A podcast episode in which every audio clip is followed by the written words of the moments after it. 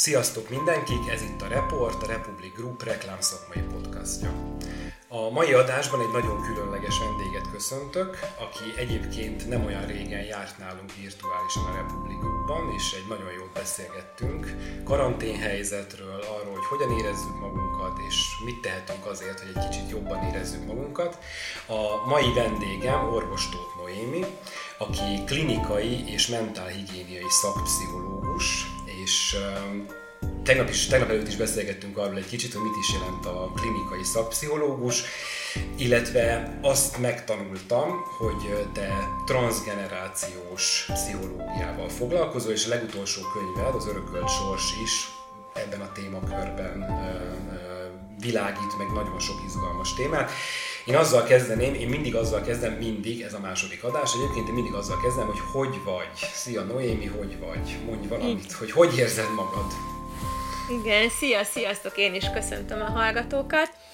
Hát én ugyanúgy vagyok szerintem, mint mások, hogy hullámzik a kedélyállapotom, hullámzik a, a lelkesedésem, ami teljesen normális ebben a helyzetben. Talán annyival vagyok szerencsésebb, hogy miközben ezeket a hullámzásokat megélem, én értem is, hogy mi az, ami bennem zajlik, és így könnyebb ezeknek a kezelése tegnap is feltettem ezt a kérdést, most is felteszem, mert ez egy vicces kérdés, hogy, hogy egy klin, klinikai szakpszichológus egyébként jár, vagy járhat másik klinikai szakpszichológushoz beszélgetni egy kicsit? Vagy te mindent meg tudsz magaddal beszélgetni? Nem, hogy járhat, hanem járnia kell. Ezt úgy hívják, hogy szupervízió a képzésnek egyébként a, a része egyfajta saját élményű önismereti munka. Tehát, hogy miközben megtanulod magát, a szakmát, az elméletet, közben azért nagyon fontos, hogy te magadon is dolgoz, hiszen egy pszichológus, ő csak részben dolgozik módszerekkel, részben dolgozik technikákkal és az akadémiai tudással, és egy nagy részben pedig a személyiségével dolgozik, tehát azt viszi be a, a terápiába terápiás munkába, és azért az nem mindegy, hogy a maga a szakember, ő milyen lelki állapotban van, milyen érettségi szinten van, mennyire sikerült neki megdolgoznia a saját személyiségét, felszínre hozni az elakadásait, a traumáit, ezeket valahogy így a helyére rakni mert ez, ez, ez nagyon fontos szerepet játszik majd aztán az ő munkájában. Szóval, hogy ez egy nem csak hogy, hogy lehetőség, hanem egy ilyen szükségszerűség ahhoz, hogy valaki jól tudjon aztán utána a klienssel dolgozni, és mondjuk ne keverje össze a saját problematikáját a kliens problémájával, és nehogy a végén az legyen, hogy igazából már, már ő az, aki, akin dolgoznak, és nem is a hozzáforduló kliens vagy páciens. Szóval, hogy, hogy kell, hogy legyen nekünk mindig egy ilyen élményünk, saját élményünk az önismeretről, és aztán utána pedig, amikor dolgozunk, akkor pedig kell egy rendszeres szupervízió, amikor az ember oda megy, és egy másik kollégával, egy szakemberrel átbeszéli azokat az eseteket, amiken éppen ő dolgozik, megbeszélik, hogy hol vannak mondjuk neki elakadásai, ő hogy lát dolgokat, a kollega hogyan látja, hiszen itt is igaz, hogy több szem többet lát. Meg a másik, ami szerintem ilyen nagyon fontos dolog, hogy önmagadat soha nem látod úgy, mint egy másik ember. Hogy ebből a szempontból is nagyon nagy szükség van a szupervízióra, hogy egy külső szemlélő így rávilágítson arra, hogy amit te jónak látsz, amit te helyesen, helyesnek gondolsz, az tényleg minden tekintetben helyese, vagy lehet, hogy bizonyos dolgokat nem vettél úgy észre, vagy máshogy értékelted, más, máshova tetted a hangsúlyokat. De hogy ez egy ilyen, ez egy ilyen fontos dolog, hogy, hogy tudod, mi a fontos, hogy, hogy szerintem ez a szakma az, amiben abszolút nem lehet elszállni, hogy na én tudom a tutit, mert akkor biztos, hogy, hogy onnantól kezdve butaságokat fogsz csinálni. Mondtál tegnap előtt egy olyat, és ez nagyon megütötte a fülem egyébként, hogy nektek pszichológusoknak ez a korszak, vagy ez a nagyon fura helyzet, ez egy igazi hát csemege, vagy nem tudom, kicsit furán, furán hangzik, tudom, de fogunk azért kicsit arról beszélgetni, hogy próbáljuk meg valahogy pozitívabban látni ezt a szituációt, amiben vagyunk. Erről mesél már egy kicsit, mert ez nagyon érdekes volt, hogy megélhettek egy olyan helyzetet, amit sokan, sokszor, sokáig nem, vagy csak tankönyvekben, vagy még tankönyvekben sem találkozhattunk vele. Hát ilyen azt hiszem, hogy most van először a világtörténelemben, hogy szakemberként megélő oldalon is benne vagyunk a helyzetben, és megfigyelőként is benne tudunk lenni a helyzetben. Hogy talán ilyen, ilyen még soha nem volt korábban a, a történelemben, hogy, hogy ugyanúgy részesei vagyunk az eseményeknek, elszenvedői vagyunk az eseményeknek, mint bárki más, mint azok az emberek, mondjuk, akik hozzánk fordulnak, és tőlünk várnak magyarázatot, vagy segítséget a helyzetnek a kezelésébe. És, és ez mindenképpen izgalmas. Ez mindenképpen izgalmas, mert hogy, hogy az, azt hiszem, hogy most vizsgázunk igazából hogy, hogy mennyire, mennyire uraljuk a szakmát, mennyire uraljuk önmagunkat, mennyire vagyunk képesek ebben a bizonytalanságban valahogy mégis kapaszkodókat adni másoknak. Úgyhogy valóban egy izgalmas csemege helyzet. Ugye ez egy reklámszakmai, illetve marketing kommunikációs podcast, ugye feltehetnénk a kérdést, hogy mi a túrót keres itt, ugye orvos Noémi. De közben egyébként azért sokat gondolkoztam azon, és, és nyilván ez az alapvetés, hogy hogy a marketing kommunikáció, a reklámnak azért a pszichológiához nagyon-nagyon sok köze van bizony, mert hogy ott, ott, ott pitiszkáljuk a fogyasztókat egy kicsit, hogy milyen érzéseik, milyen félelmeik, milyen gondolataik vannak, és nyilván igyekszünk őket megszólítani. Úgyhogy a mai adásban én három témát szeretnék érinteni. Az egyik az egy picit a te szakterületedről fog szólni, mert hogy szerintem elmesélek egy sztorit. Néhány hónappal ezelőtt egyébként az én a számomra legkedvesebb ember a világon, és neki az anyukája azt mondta, hogy ú, olvas egy nagyon jó könyvet, és és ő neki nagyon, és ez neki nagyon-nagyon fontos, és ő annyira kíváncsi lennék, hogy ki ez az orvos Tóth Noémi. Egyébként ő ezt nagyon várja ezt az adást, hogy meghallgassa, mert hogy azt mondta, hogy, hogy nagyon sok mindenre rávilágított ez a könyv neki. Tehát nem értett nagyon sok mindent a szüleivel, a nagyszüleivel kapcsolatban, és nem értette, hogy ő miért reagál furán bizonyos helyzetekben, vagy miért érezte magát sokszor fekete báránynak a családban, miért úgy viselkedtek vele, szerették, nem szerették, miért voltak vele hidegek, miért voltak vele kedvesek, nem, nem tudta hova tenni, és azt mondta, hogy neki ez a könyv nagyon-nagyon sokat jelentett. Úgyhogy én az első blogban én egy kicsit erről a könyvről és a transgenerációs pszichológiáról szeretnék veled beszélgetni, utána meg fogjuk nézni azt, hogy az emberek hogyan vannak ma, jó, hogy mit éreznek, mit élnek át, milyen fázisában vannak most ennek a helyzetnek, és utána rá fogunk kanyarodni, csak azért, hogy mégis a reklámmal és a marketinggel is egy picit foglalkozunk, rá fogunk kanyarodni arra, hogy mint fogyasztók, hogyan reagálnak, a márkák milyen üzenetekkel kellene, hogy operáljanak, mi az, amit most megtehetnek a cégek és a márkák azért, hogy a fogyasztó érezze, hogy együtt vagyunk ebben a helyzetben, és nyilván a végén profitáljanak belőle, hát ugye azért a marketing kommunikáció az arról szól. Jó, és egy picit azt is meg fogunk kérdezni, hogy melyik a te kedvenc márkád és miért. Úgyhogy ez, ez vár rátok. Most jön egy szignál, nemrég készítettünk egy szignált, és nagyon-nagyon jó lett, úgyhogy ezt fogjuk most meghallgatni, és utána jövünk vissza orvostót Noémivel. No, ez volt a remek szignál, és már itt is vagyunk. Vendégem orvostót Noémi, klinikai szakpszichológus, akitől azt kérdezem, vagy azt kérem, hogy meséljen egy kicsit nekem a transgenerációs pszichológiáról és az Örökölt Sors című könyvről, mert hogy ez egy nagyon izgalmas terület téma, úgy érzem.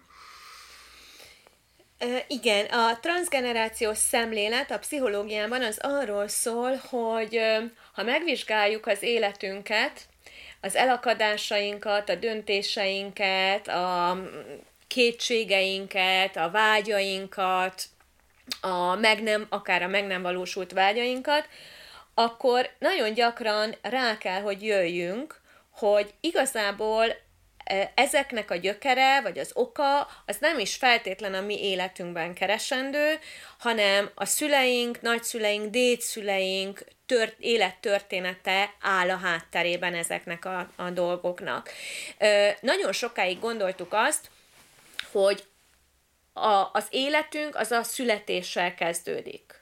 És aztán utána mi élünk, valahogyan történnek velünk események, és a, kizárólag ezek, amik befolyásolják, hogy aztán milyen sorsot élünk meg, milyen utat járunk be az életünk során.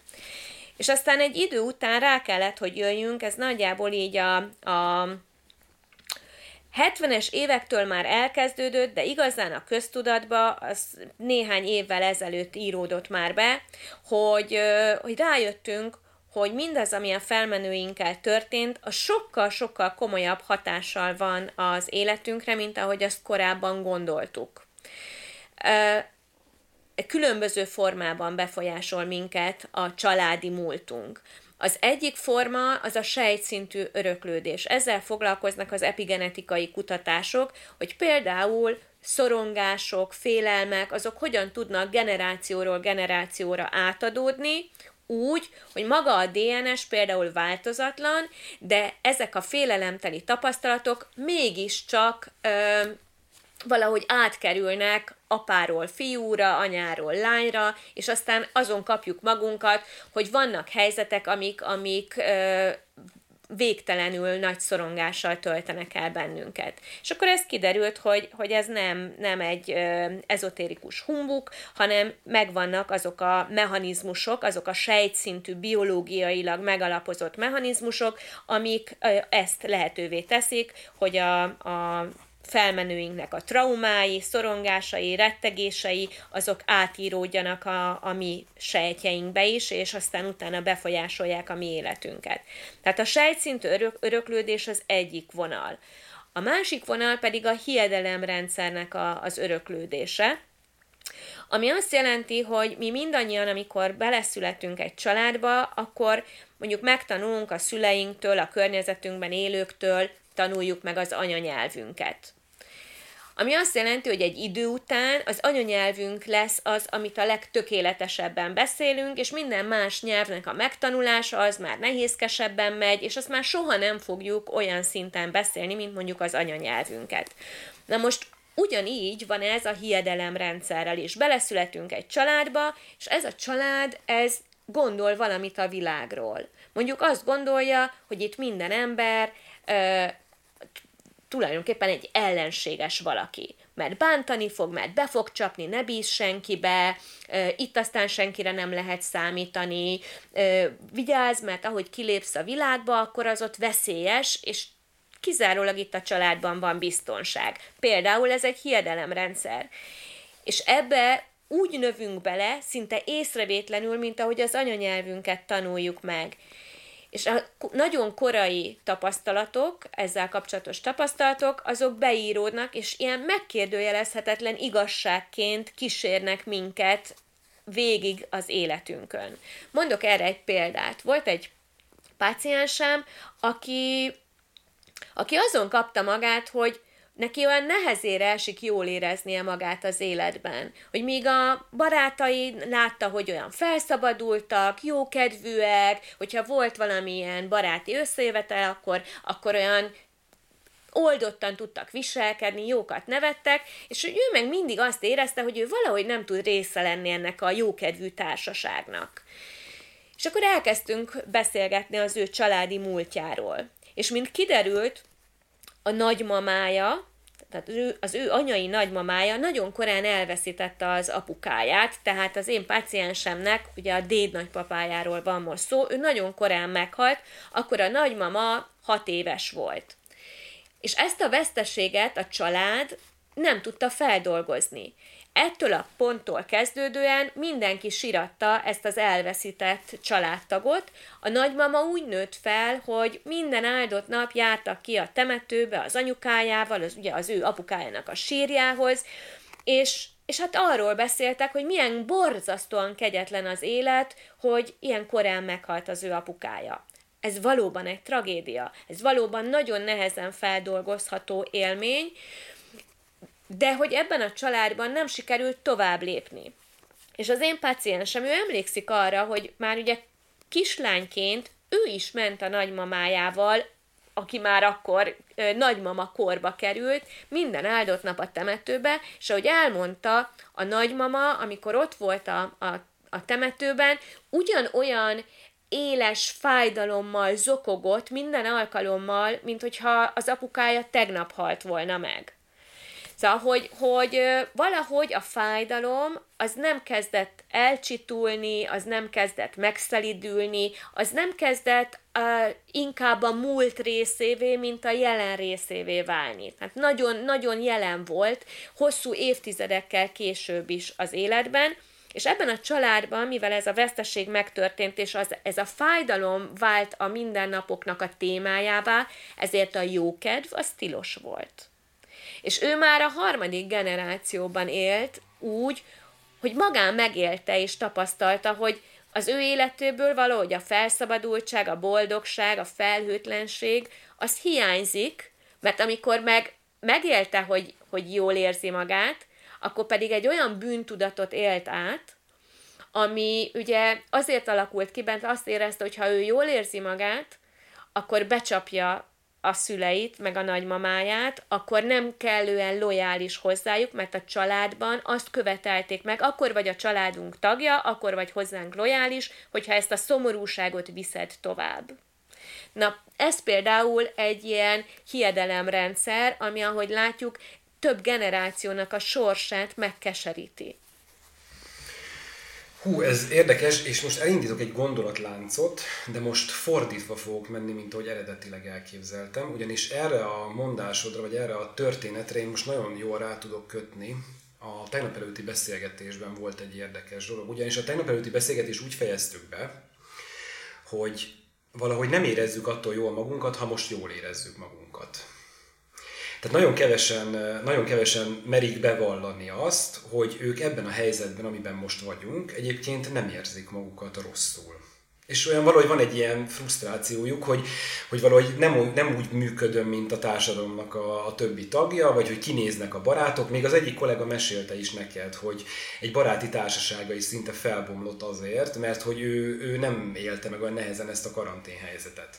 Úgyhogy így kötök rá akkor a második témakörünkre, ami, ami a mostani helyzetről, a, a, arról, hogy, hogy, hogy hogyan érezzük magunkat emberek ebben a helyzetben, hogy mit élünk meg most, mi megyünk keresztül, Szerinted hova fut ez ki, és, és, és egyáltalán mik azok a, vagy hogyan tudunk szembenézni ezzel a helyzettel, hogyan tudjuk feldolgozni, mi segíthet nekünk abban, hogy könnyebb legyen ez a helyzet. Úgyhogy onnan indulunk jó, hogy vannak, akik nem é, akiket ez nem érint olyan iszonyatosan rosszul ez a mostani helyzet, ami tök jó egyébként, és vannak nyilván, akik ezt nagyon nehezen élik meg. Mind megy keresztül ilyenkor egy psziché, amikor, amikor belekeveredünk egy olyan helyzetbe, amivel egyébként nem találkoztunk még soha, hasonlóval se. Uh-huh. Ja, nagyon sokféle érzés lehetséges ebben a helyzetben, és az egy nagyon fontos dolog, hogy, hogy elfogadjuk azt, hogy bármit érzünk, az rendben van. A saját érzéseink is rendben vannak, de ugyanígy a másik érzése is rendben van. Ugye itt a, a, a magyar társadalomban különösen hajlamosak vagyunk arra, hogy egymást bíráljuk. Hogy megmondjuk, hogy mit kell tenned, mit kell érezned, hogyan kell viselkedned. És ö, vannak emberek, akik azt gondolják ö, nagyon határozottan, hogy ők erre hivatottak, és, és nekik jogukban áll ezt nagyon keményen számon kérni is a másik emberen, hogyha éppen nem azt érzi, nem azt teszi, amit ők helyesnek gondolnak. Na, hogy ez az első és legfontosabb, hogy fogadjuk el a saját érzéseinket is, és a másik ember érzését is. Ahányan, ahány ember, annyi élettörténet, és nagyon sokféleképpen lehet egy ilyen helyzetre is reagálni, ez függ például a megelőző személyiségtől, tehát hogy milyen személyiséggel léptünk bele ebbe a helyzetbe. A személyiség az, az meghatározza, hogy például mennyi, mennyire érezzük magunkat komfortosan a társainktól mondjuk elszakítva. Egy introvertált alkatnak nem annyira nagy megterhelés, hogyha nem mocorog kint a, a külvilágban, mert ő amúgy is, köszöni szépen, általában jól van a maga kis csendes világában ilyen egy introvertált embert, hogy neki nincs szüksége, sőt, a, a külvilágra, sőt, hogyha sokat kell kint lenni, és túl nagy nyüzsgés van körülötte, akkor azt megterhelésként éli meg. Ezzel szemben az extravertált embereknek nagyon nagy szükségük van arra, hogy legyenek körülöttük, hogy minél több emberrel kerüljenek kapcsolatba. Nekik ahhoz, hogy stabilitást éljenek meg, nekik kellenek a, a, a külső ingerek. Ők természetszerűleg nehezebben viselik most ezt a helyzetet a párkapcsolatok, tehát ki hogyan él például, az életkörülményei, azok is nagyban befolyásolják, hogy most uh, hogyan viseli ezt, a, ezt az izoláltságot. Egyáltalán izolációban éle. Ugye azt gondoljuk, hogy most akkor mindenki karanténban él, általában, így van egy ilyen, hogy most akkor mindenki bezárkozott, nem, nem zárkozott be mindenki. Nagyon sok embernek pont az jelent problémát, hogy szeretett volna bezárkozni, mert mondjuk félt és szorongott a vírustól, vagy éppen úgy él, hogy otthon mondjuk időszülőket ápol, vagy, vagy betegházastársa van, de neki ki kell menni a világba, és el kell látnia a feladatát, és nem tud elzárkozni, őt ezt szorongatja. A másik embert mondjuk azt szorongatja, hogy, hogy otthon kell lennie, hogy nincs hova mennie, miközben nagyon szeretne menni. Szóval, hogy, hogy hihetetlen sok árnyalata van most a, a megéléseknek és a történeteknek. Itt az a, az a legfontosabb, hogy mielőtt pálcát törnénk bárki felett, legyen az akár mondjuk a velünk egy háztartásba élő párunk, aki mondjuk nem éli meg annyira nagy fenyegetésként ezt a, ezt a vírushelyzetet, előtte álljunk meg, és gondoljuk végig, hogy, hogy van-e jogunk pálcát törni a másik ember felett, mert azt hiszem, hogy ahogy ezt elkezdjük végig gondolni, akkor rögtön rájövünk, hogy nincsen. Tehát, hogy van, aki fél, sokkal szorongóbb alkat, ő nyilván most, most neki ez most nehezebben viselhető. A másik ember pedig azt mondja, hogy hm, majd lesz, ahogy lesz, hát hogyha elkapom, elkapom. Ő sem feltétlen kell, hogy megkapja azt a címkét, hogy hát mennyire felelőtlen, és mennyire bagatelizálja ezt a helyzetet. Az ő veszélyészlelése máshol van. Ugye az emberiségnek, a, az embernek a fejlődése során, így evolúciósan mindenre szükség van. Szükség volt visszahúzódó emberekre, akik otthon voltak a barlangba, és ott védték a tüzet, és nem akartak feltétlen elmenni, és szükség volt olyan emberekre, akik bátrabbak voltak, kevésbé érzékelték a veszélyt, kíváncsibbak voltak a világra, és akkor ők elmentek, és felfedezték a nagyvilágot, felfedezték a kontinenseket, és nem tudom én, tehát vitték előre a fejlődést. És minden típusú emberre szükség van, hiszen azért vagyunk ennyi félék, mert mindenkinek megvan, megvolt így az evolúció alatt a szerepe, a maga szerepe. Hogyha általánosságban nézzük, akkor, akkor gondolom ilyen szakaszokról beszélhetünk egy ilyen helyzetben, hogy, hogy mind vagyunk túl, miben vagyunk most, és mi várható így legközelebbre. Tudom, azt be, arról beszéltünk, hogy nem nagyon vannak mintáink erre, tehát nem, nem, nem tapasztaltuk ezt még meg, de gondolom ugyanúgy, ahogy mondjuk a gyásznak, vagy nem tudom, vannak különböző fázisai, itt is beszéltünk erről, hogy milyen fázisokon vagyunk túl, és mibe vagyunk, és mi következik. Uh-huh. Az akut fázison azt gondolom, hogy túl vagyunk, a vírussal kapcsolatos akut fázison mindenképpen túl vagyunk, amikor egyszer csak azon kapjuk magunkat, hogy Ugye ez olyan körülbelül, mint amikor közölnek veled egy, egy szörnyű diagnózist. Hogy na, te figyelj ide, az a helyzet, hogy van egy csúnya daganatod. Az egy akut stressz állapotot jelent az ember életében, amikor először szembesül ezzel a diagnózissal. Ez megtörtént itt is, amikor rájöttünk, hogy hoppá, itt van a vírus, ez már nem egy másik földrészen van, hanem ez itt van, akár a szomszédban. És az akut fázisban láthattuk azt, hogy az embereknek a stressz szintje az egekbe csapott, és akkor elindultak azok a tevékenységek, amikkel azt gondolták, hogy tudják kezelni a helyzetet. Elkezdtek, mint az őrült, vásárolni, betárazni alapélelmiszereket, bezárkózni, fertőtlenítőszereket, nem tudom én nagy tételbe vásárolni és használni, berendezkedtek az otthonmaradásra, ez volt az akut fázis. Ebben a, ebben a fázisban ugye azt látjuk, hogy tényleg megemelkedik a stressz szint, ami így mobilizálja a, a, a, az egyént, és arra ösztönzi, hogy keressen megoldásokat. Most ez az állapot szerintem már elmúlt, és most Ez egy könnyebb fázis, át. nem? Amikor azt érezzük, hogy, hogy ha cselekszünk, ha csináljuk, nem? Tehát valahogy, valahogy ezzel úgy elfoglaljuk magunkat, talán egy kicsit ez egy könnyebb része. Abból a szempontból könnyebb, hogy itt a, a probléma fókuszú ö, megküzdésnek nagyobb tere van tehát a csinálásnak ugye, amikor jön a veszély, tudod, ég a ház, úristen, akkor azonnal oltani kell a tüzet, kimenekíteni azt, amit még ki lehet menekíteni a házból, tehát ott, ott van egy olyan um, lehetőség, a, a, az aktivitásnak van lehetősége, hogy akkor most oda teszem magam, és akkor megoldom. Amiben most vagyunk helyzet, ez már a krónikussá válásnak a helyzete, amikor elkezd, mint a rétes tészta nyúlni ez a bizonytalanság. Itt már kevéssé tudunk cselekvéssel, csinálással elmenekülni ebből a helyzetből, vagy csökkenteni a feszültséget. Itt nagyobb tere van már az érzelmi megküzdésnek. Hát, hogy a belenyugvásnak, az elfogadásnak, a életünk átértékelése, mint olyan. Tehát, hogy ezek az érzelmi megküzdésnek a lehetőségei, ami, ami hát eh, nem egyszerű. Ez egy sokkal mm, nagyobb munkát jelent lelkileg. Ugye, tehát, hogy itt, itt már nem tudsz felpattani és elmenekülni, vagy csinálni valamit, hanem van, hogy le kell ülni, és magadban kell eh, rendet tenni.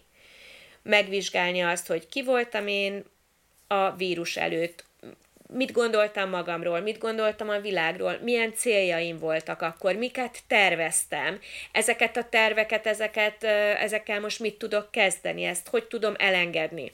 Nagyon érdekes, a múltkor néztem egy filmet a Michael Jordannek az életéről, és volt benne egy nagyon izgalmas történet. Azt hiszem, hogy 1985-86-ban kezdte ő meg a második évadát a Chicago Bullsnál.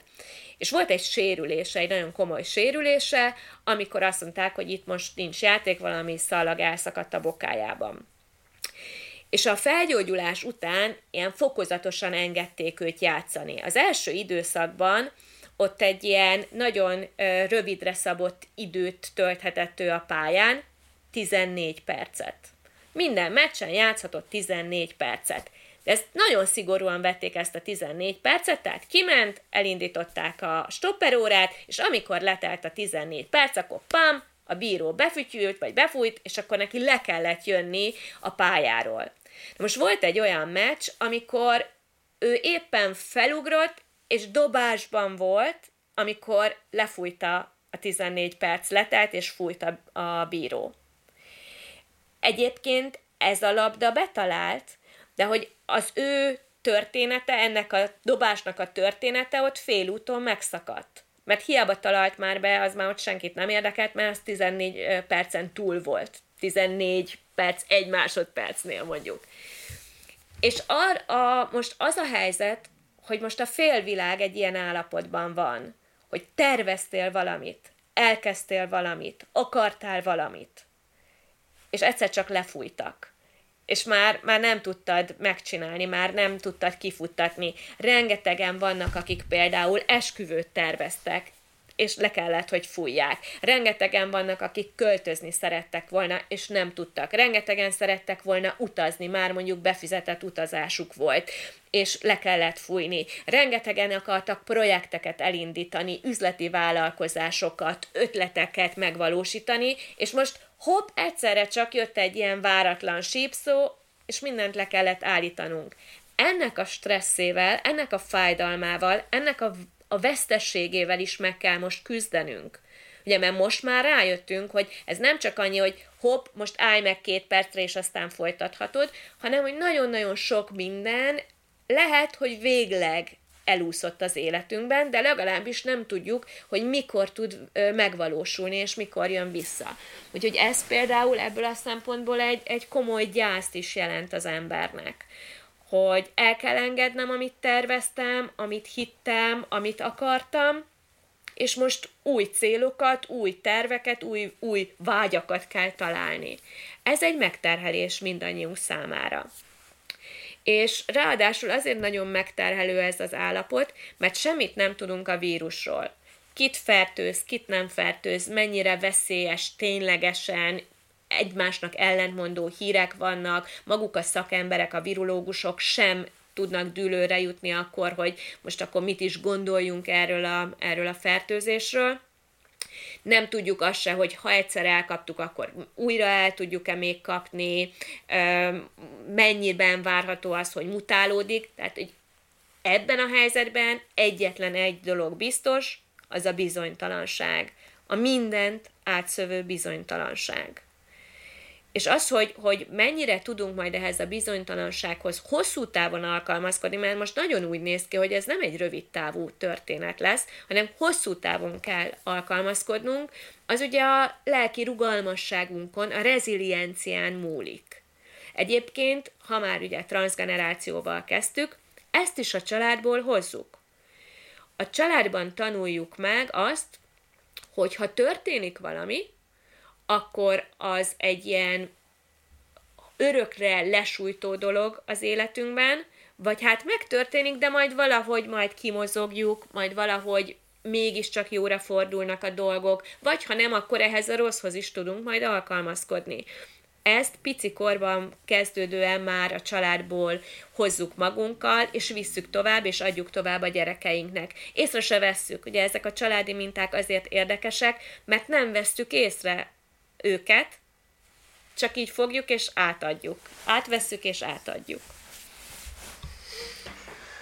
Mm, olvastam a Tudományos Akadémiának is lejött egy, egy ilyen, hát egy kinyilatkoztatása, illetve, illetve Greg Miller a Science-be írt, egy tudományos újságíró, illetve egy társadalomtudós, aki a Yale Egyetemen kutat, az emberi kapcsolatoknak a változásáról írt. És ugye sokszor előkerül ez a social distancing, ez a kifejezés. Tehát, hogy ugye változtak azok a távolságok, amiken belül elérhetőek vagyunk idézőjelben illetve az egész ilyen digitális, mi is digitálisan beszélgetünk most, tehát én jobban örülnék neki, ha itt ülnél, és, és valahogy úgy, úgy, nem tudom, közelebb lennénk, és úgy beszélgetnénk. És, ez a, és többen is írtak arról, hogy, a, hogy az, hogy nincsenek, nincs testbeszéd, az, hogy, az hogy, hogy nem érezzük a másiknak valahogy azt a kisugárzását, a mimikája nem olyan. Mert nyilván a kép meg a hang átmegy valamilyen formában, tehát itt kódolódik, nem tudom, nulláká meg egyesekké, de azért az nem ugyanaz, mint amikor ott ülünk. És azt mondták, hogy ez nagyon súlyosan és komolyan roncsolja az emberek közötti kötődéseket, illetve hogy vajon a digitális megoldások ezek mennyire tudják ezt pótolni, vagy mennyire nem tudják pótolni. Erről mit gondolsz? Mert, és így fogunk rákanyarodni majd kommunikációra egyébként, hiszen nekünk valahol az a kommunikáció lenne ugye az elsődleges, hogyan kommunikálunk és miként. Uh-huh. Hát a digitális eszközök, ezek csak részben tudják pótolni a személyes találkozó, találkozásokat. Az evolúció, vagy a jóisten ki miben hisz, azért jó hosszú időn keresztül, mondjuk a jóisten rövidebb időn alatt ö, hozta létre az ember, de az evolúciónak azért kellett egy pár millió év, de legalábbis pár százezer év, amíg ö, ami kialakította az embert, és az embert így közösségbe helyezte. És ez azt jelenti, hogy a személyes kapcsolatok azok végtelenül fontosak mindennyiunk életébe. A másiknak a közelsége, az illata, a, a mimikájának az egész pontos látványa rengeteg olyan információt hordoz, aminek megint nem vagyunk tudatában, de kell ahhoz, hogy én mondjuk a biztonságban érezzem magam.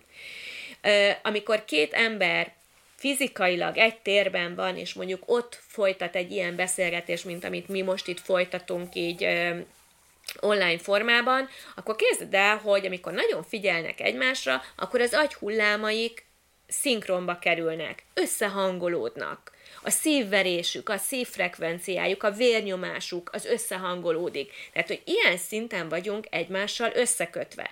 Amikor ezt a kapcsolatot, ezt, a, ezt az összeköttetést így erővel szétválasztjuk, annak megvan a negatív hatása. Látom a pácienseimen, hogy egyre feszültebbek, egyre nehezebben viselik ezt a helyzetet, egyre idegesebbek, egyre kevésbé ö, toleránsak. Ez mind-mind annak a jele, hogy a kötődéseik, ahogy mondod, igen, sérülnek, egyre, és ez a, a kötődések sérülése egyre bizonytalanabbá tesz mindenkit, minél bizonytalanabb vagy, annál ingerlékenyebb vagy, annál frusztráltabb vagy, annál könnyebben belecsúszol az agresszióba, vagy a másik elleni agresszióba, vagy meg egy ilyen depresszív, önmagad elleni ilyen, ilyen levertségbe, ilyen, ilyen, nem tudom én, az önszeretetnek a, a, a megszűnésébe. Merre tart ez a dolog, vagy, vagy mi lesz a következő fázis egyébként? Tehát, hogy um, nyilván ez attól is függ, hogy hogy alakul a helyzet, hogyha, hogyha mondjuk ez javul ez a helyzet, illetve most azt látjuk, hogy ugye enyhítenek azért a, a karanténon, meg, meg enyhébbek lesznek a szabályok, és most nem foglalkozunk azzal, hogy lesz-e második hullám, vagy nem lesz második hullám, tehát hogy, hogy, hogy azzal, hogy, hogy nyíl, nyílnak ki ajtók, meg kerítések, meg emberek közötti távolságok csökkennek, visszaáll, ez könnyen visszarendeződik, vagy, vagy le, marad egy lenyomat, hogy, hogy én most nem szívesen megyek azért a közeledbe. Tehát, hogy úgy ott lebeg valahogy mégis. Tehát, hogy nem, nem lesz már ott az ajtó, meg a fal, de valahogy mégis ott lesz. Tehát, hogy ez, ez egy olyan trauma, ami, ami, ami jön velünk, vagy feldolgozzuk, elfelejtjük, tovább lépünk könnyen, gyorsan, vagy ez megint egyéne válogatja? Hát egyéne válogatja, de egy biztos, fizikai ajtókat sokkal könnyebb kinyitni, mint lelkileg eljutni odáig, hogy én már bátran félelem, szorongás nélkül kilépjek azon az ajtón. Ahogy abban biztos vagyok, hogy a hivatalos, a karanténnak, meg ezeknek az óvintézkedéseknek a hivatalos megszüntetése, az nem jelenti azt, hogy az emberekben a félelem is megszűnt. Ennek a járványnak lesz egy nagyon komoly pszichés lábnyoma. Évek, akár évtizedek múlva is lesznek emberek, akiknek még a működésében fellelhető a most kialakult ö, ö, sérülésnek a, a nyoma. Tehát ez egészen biztos. Ha, Öröklőd, ez nem fog... Öröklődik tovább? Tehát ugye öröklődhet, öröklődhet. Tehát simán, simán tehát, megjelenhet ez következő Simán megjelenhet, tehát hogyha most valaki végig szorongta az elmúlt hónapokat, meg még szorongani fog még jó pár hétig, és már bár nem akarunk beszélni arról, hogy jön a második hullám, vagy nem, de hogyha ha minél hosszabb időn keresztül szorong valaki, minél mélyebb ez a szorongás, annál nagyobb a valószínűsége annak, hogy ez sejtszintű lenyomatot képez az ő testében, és hogyha ez megtörténik, akkor az örökítő anyagba is ott lesz az a lenyomat, és hogyha még most lesznek gyerekei, most fog gyereket vállalni, akkor igen, ez át fog menni. Ha most valaki például úgy él otthon a családban, hogy nagyon feszült, és a gyerekei, pici gyerekei is ott vannak, és feszültek, és, és megélik azt, hogy ja Istenem, most szorong anyám, apám, és van egy ilyen nagyon mély, nagyon depresszív hangulat, ez a gyerekekbe is ott hagyja a nyomát, és igen, ezt vihetik akár a felnőtt életükbe is, és akár át is adhatják a gyerekeinek. Sajnos ez így van.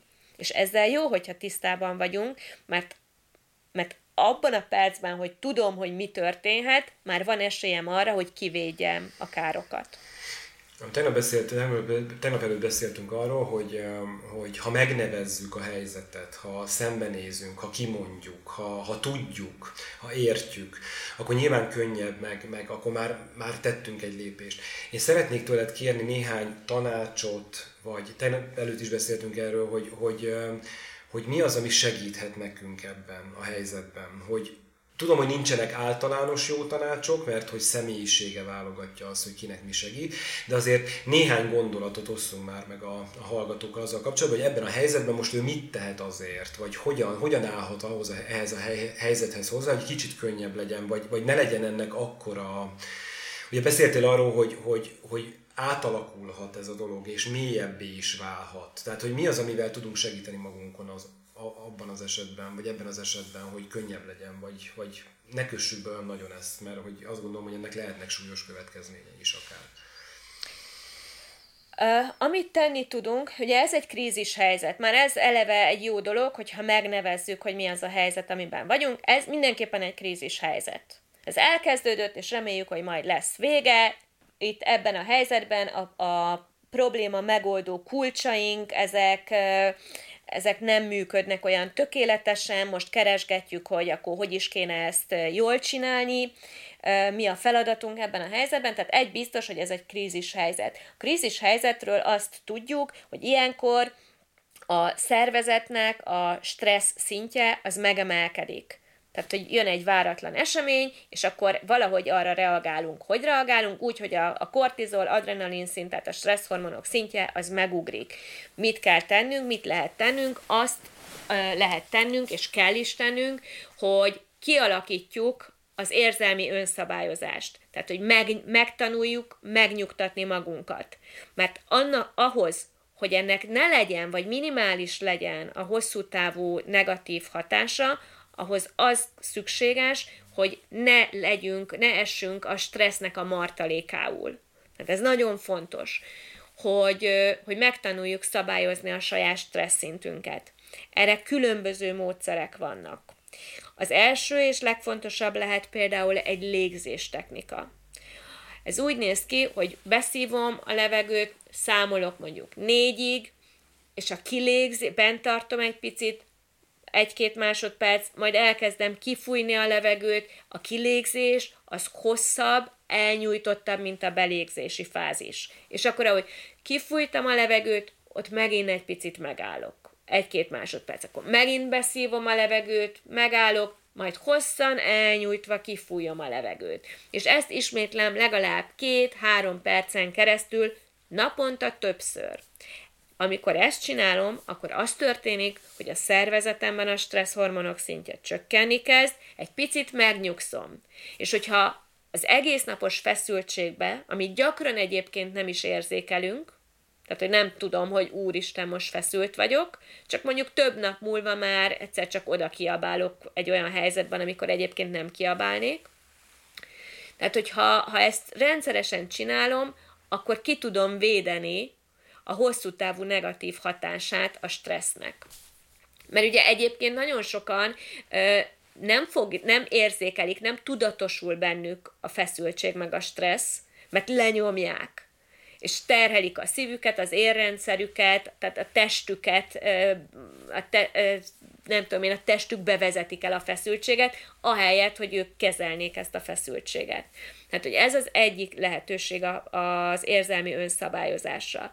A másik mindenképpen például a, a, a kapcsolatok, ez nagyon fontos. Bár értjük, hogy ez az online és virtuális kapcsolódás nem helyettesítheti a személyes találkozást, mégis nagyon fontos, hogy legyenek meg a, legalább az az egy-két ember, akivel napi szinten beszélünk. Hogy azt érezzük, hogy igenis részei vagyunk egy emberi kapcsolati hálónak. A, amit még tenni tudunk, találjunk valakit, akire, hogy úgy mondjam, elkezdünk gondot viselni ha az egy szomszédnéni, az egy szomszédnéni, ha nem tudom én, egy barátunk, aki elesettebbnek éli meg a, magát, akkor az egy barátunk legyen, vagy nem tudom én, egy virtuális közösségben találjunk valakit, akit, akit egy picit így felkarolunk.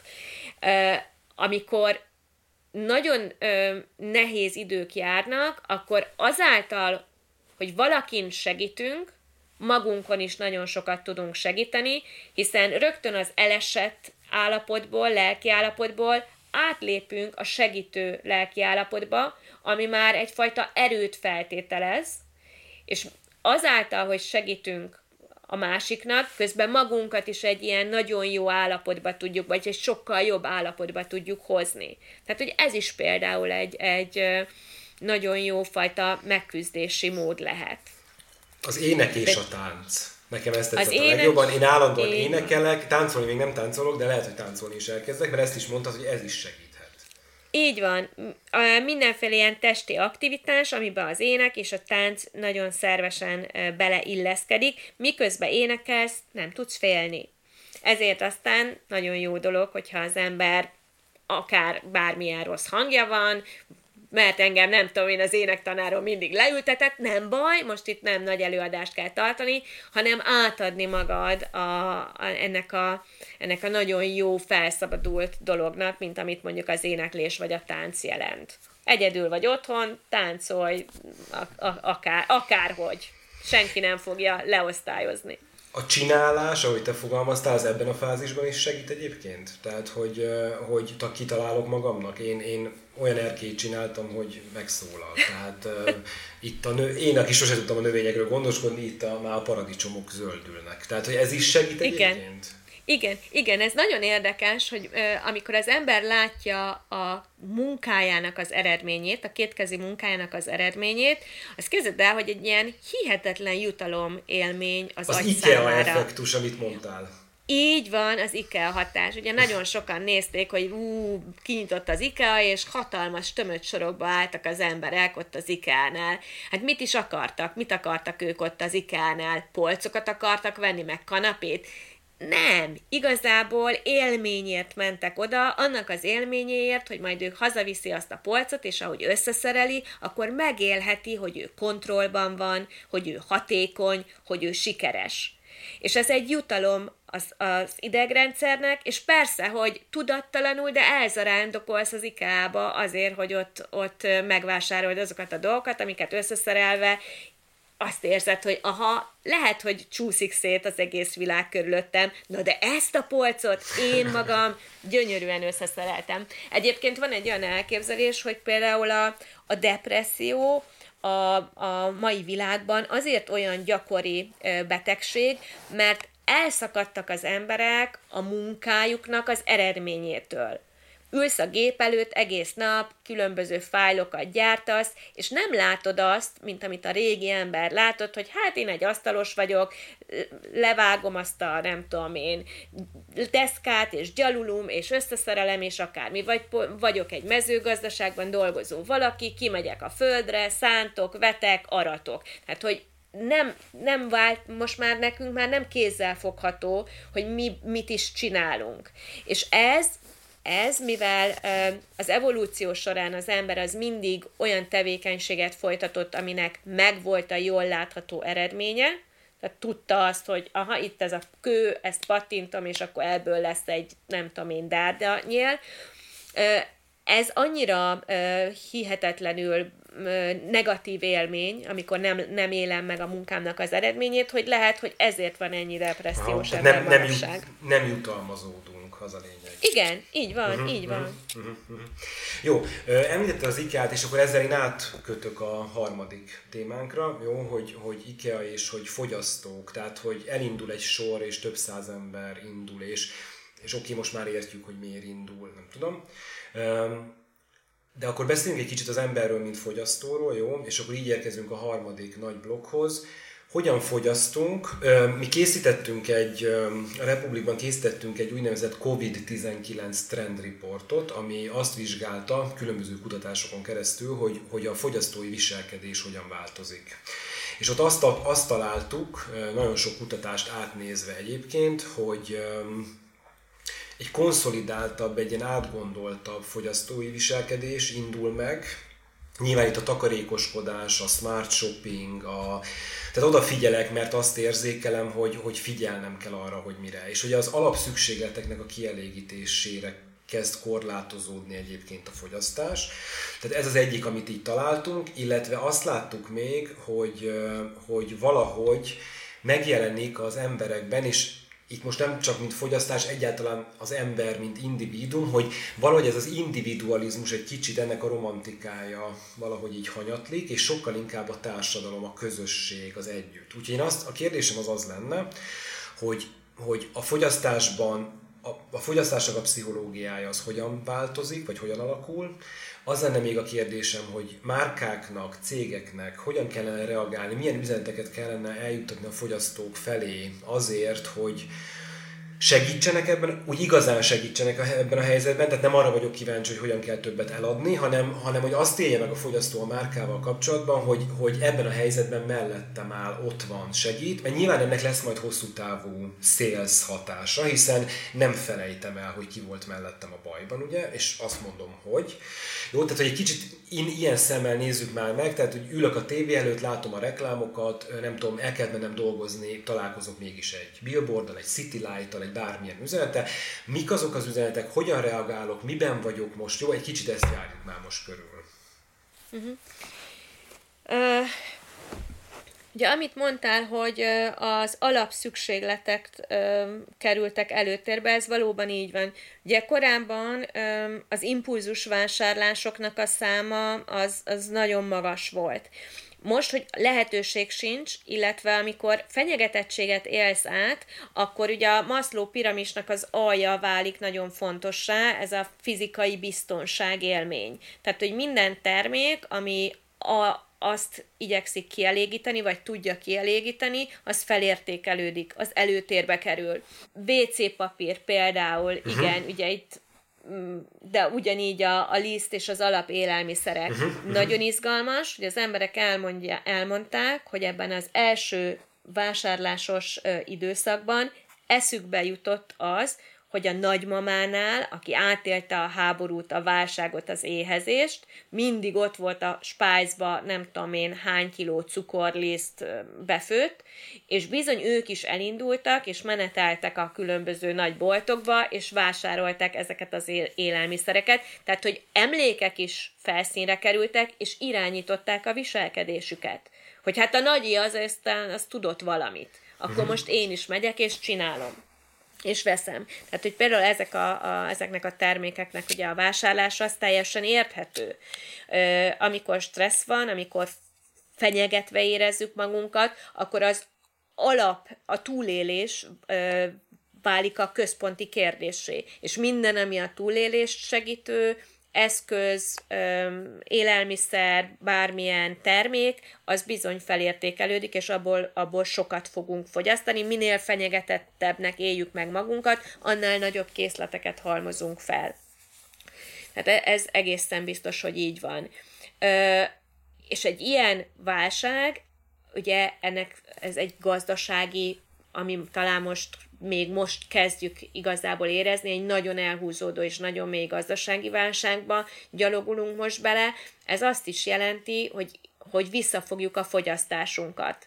Tehát, hogy a luxusból engedünk, ezekből a fölösleges kiadásokat, ezeket el fogjuk engedni, és amit most ez a generáció megtanul ebben az állapotban, ennek évtizedekig meg lesz a maga hatása. Tehát ezt is tudjuk, hogy azok a generációk, akik megélték a nélkülözést bármilyen formában, ők egész élethosszig megőrizték ezt a tartalékoló attitűdöt, a, a, tehát ezt, ezt önkorlátozást.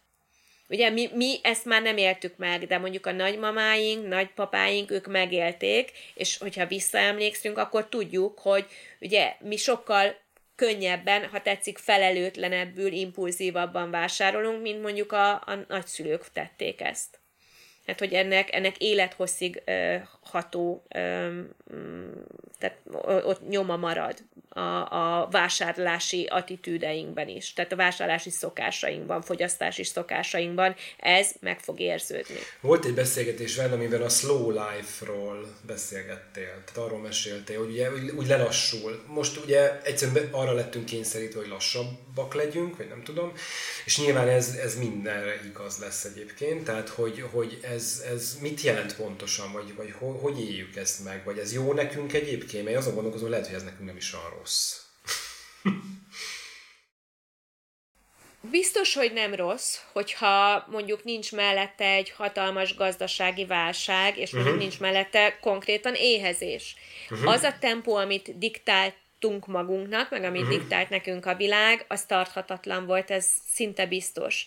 Tehát, hogy ennyi kiégett, túlterhelt, alvászavaros, különböző függőségekben menekülő embert, mint mondjuk az elmúlt tíz évben én soha nem láttam. És erről mondjuk a nagy nemzetközi kutatások is beszámoltak, és ezt alátámasztották, hogy egyszerűen az ember nem erre van optimalizálva erre az életre, amit most így magunk körül, magunk körül megteremtettünk. Mert túl gyors volt. Hogy az emberi érzelmek például sokkal lassabbak lassabban születnek, lassabban élődnek meg, lassabban csengenek le. Az emberi kapcsolatok is egészen máshogy működnek, mint ahogy az elmúlt, mint én tíz évben működtettük ezeket a kapcsolatokat. És ennek, ennek meg volt az ára, hát lehetett látni, ahogy az egyén is egyre rosszabbul érezte magát a bőrében, és a kapcsolatok is egyre törékenyebbek, egyre sérülékenyebbek lettek. Most ezzel a lassulással talán nyerünk is. Uh-huh. Talán nyerünk is, mégpedig azt, hogy visszatérhetünk egy olyan tempóhoz, ami, ami a természetünkhöz, az emberi természetünkhöz jobban illeszkedik. Uh-huh. Hogy több időt vagyunk kénytelenek tölteni mondjuk azokkal az emberekkel, akikre azt mondjuk, hogy a családunk. Hogy elkezdhetjük megismerni egymást. Hogy, hogy az otthonunkat elkezdhetjük valóban otthonná alakítani. És nem csak egy lakássá vagy egy házzá, amire azt mondjuk, hogy ez a miénk. Hanem meg, meg tudjuk most tölteni valódi tartalommal át tudjuk értékelni mondjuk a fontossági sorrendeket az életünkben. Ugye ez már itt a posztraumás növekedésnek a, a területe, ami arról szól, hogy egy nagy trauma hatására az ember nem csak összeomlani tud, hanem, hanem többé is tud válni, képes több lenni a trauma után, mint, am, mint amennyi előtte volt. Például úgy, hogy nagyobb jelentőséget tulajdonít a, a kapcsolataira, hogy kevesebbet akar felhalmozni tárgyakból, és többet szeretne megélni érzelmekből.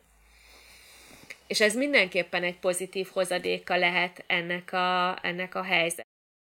Hm. De kérdeztél még... Hm. Igen? Igen, olyan, olyan érdekes egyébként, hogy, a, hogy valahogy az elmúlt, nem tudom, évtized, vagy jó évtized szerintem, meg az egyik ilyen hívószava a fast fashion volt egyébként, és hogy most valahogy teljesen máshogy látom a fast fashion kifejezést, már mint hogy ez a rohantunk az újabb és újabb, nem tudom, kollekciók után, és minden, nem tudom, két havonta cserélődött, és és ugye an, akkor kicsit környezetvédelmi szempontból figyeltük, meg, meg, meg, meg nem tudom, de, de valahol abban a kifejezésben is benne volt ez a, ez a rohanásunk, vagy nem tudom. És most meg hirtelen ugye már nem rohanunk ezekbe az üzletekbe, meg hirtelen már nem cserélgetjük és vásároljuk, nem tudom, hétről hétre az újabb darabokat, nem tudom, tehát hogy a fast fashionnek az évtizedéből, vagy nem tudom, talán egy évtizedéből lehet, hogy átcsúszunk egy ilyen slow, slow life évtizedbe, tehát amikor ez így, így máshogy lesz. Kíváncsiak az emberekre egyébként, hogy nem az lesz hogy, hogy jaj, már úgy vártam, hogy kinyissanak, és akkor folytatom ott, ahol abba hagytam.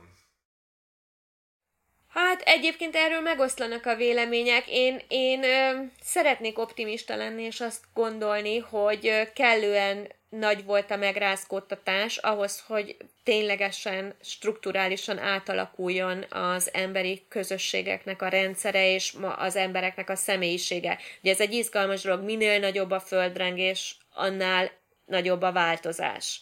Ugye itt is, hogy minél nagyobb egy sok, egy trauma, annál nagyobb esély van arra, hogy tényleges átalakulás történik.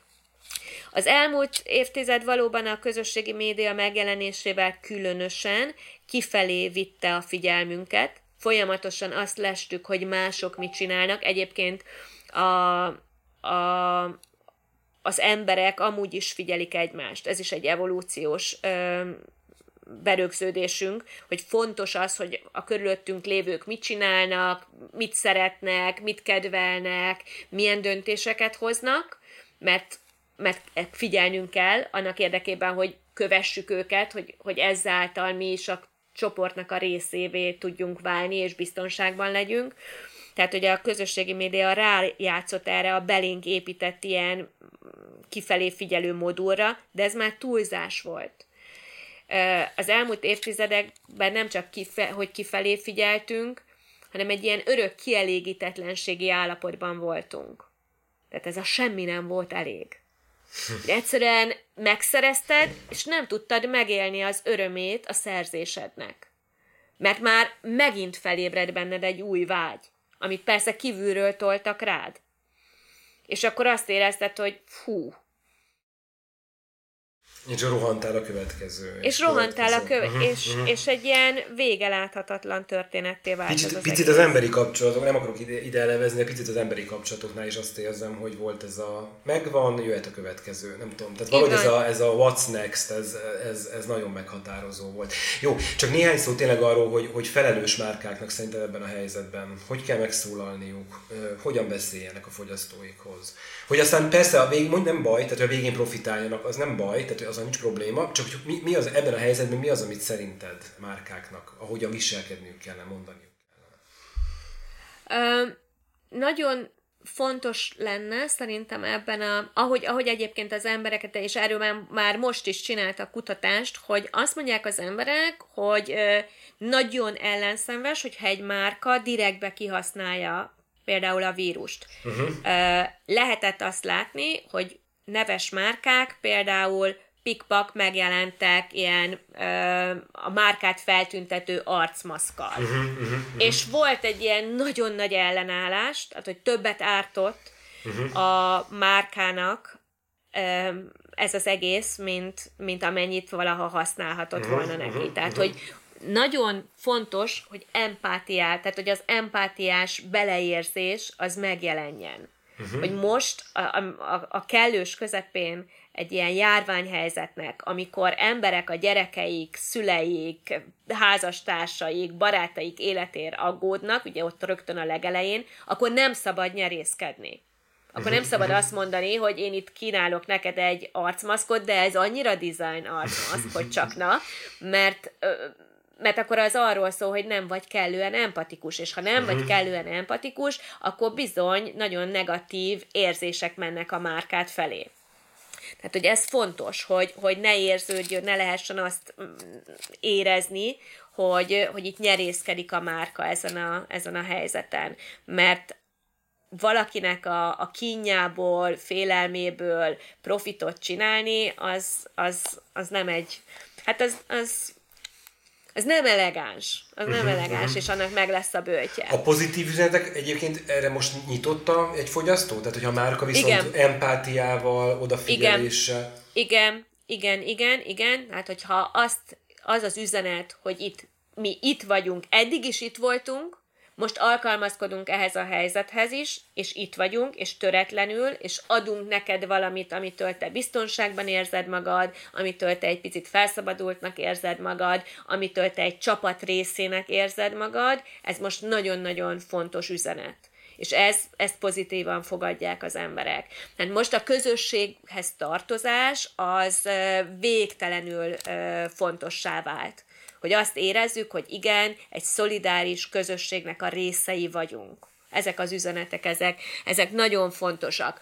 Humor, mint olyan, most nem, nem jó ö, üzenet.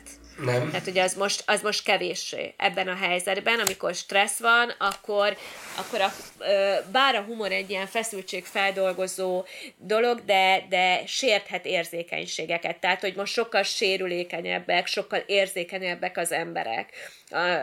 Ezek a sebek nagyon frissek még, amiket most így begyűjtöttünk. Nagyon érdekes, hogy ezt mondod egyébként, nem is tudod, hogy mennyire érdekes, és nem is fogom elmondani, hogy miért érdekes, de annyit mondok, hogy nem olyan régen belekeveredtem egy ilyen helyzetbe, ahol arról beszélgettünk, hogy, hogy ebben a helyzetben a, a vicc, a humor az, az segít vagy nem segít, és nekem meggyőződésem volt, hogy nem segít egyébként, tehát hogy szerintem nem ennek van most itt az ideje.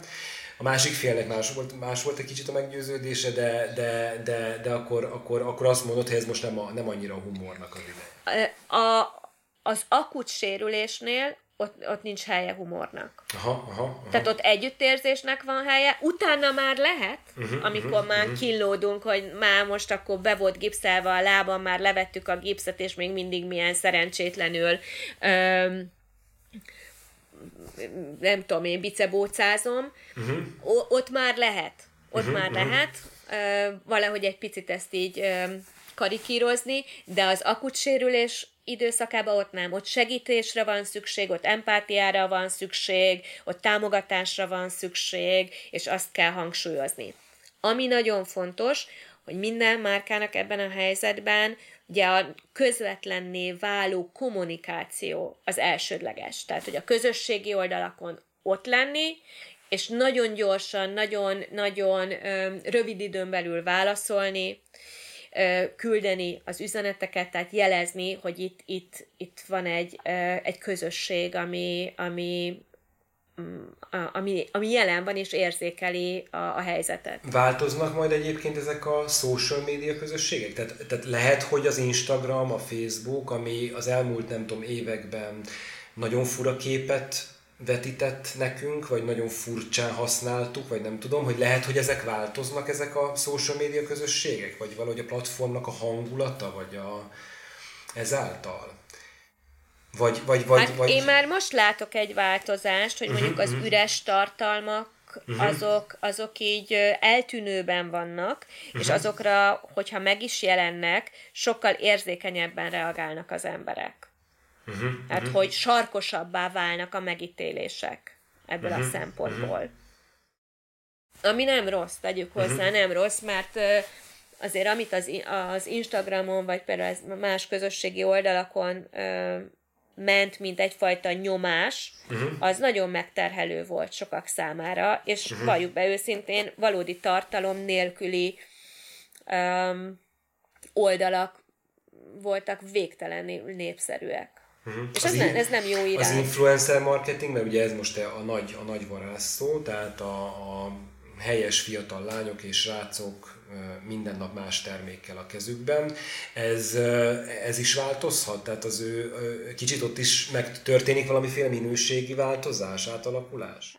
Hát én remélem, hogy az influencerek helyett teljesítményt az asztalra letevő emberek lesznek azok, akik figyelmet kapnak. Uh-huh, uh-huh, Ahogy uh-huh. hogy kell, szerintem kellene, hogy, hogy egy picit visszabillenjen uh-huh. ez az eltolódott egyensúly, és nem a külcsin, hanem a belbecs kellene, hogy nagyobb hangsúlyt kapjon. Tehát a tehát tényleges teljesítmény. A tehát tényleges lesz, teljesítmény. Tehát kik lesznek a hőseink. Tehát igazából Igen. az, hogy ma azt mondjuk, hogy Így az van. orvosok, az ápolók, a, a takarító személyzet, tudom, ők a hőseink, hogy jó lenne, hogyha későbbiekben is valami ilyesmi típusú Igen, én remélem, hogy ez így. lenne. Igen, Uh-huh. Igen, hogy nem az a hős, aki, nem tudom én, egy nagy márkának a pénzén utazgat, és ö, semmiről nem szóló fotókat posztolgat uh-huh. Uh-huh. magáról, ami nagyon távol van a valódi élettől, mert a valódi élet mindig, mindig is ö, az volt, amit, amit most élünk.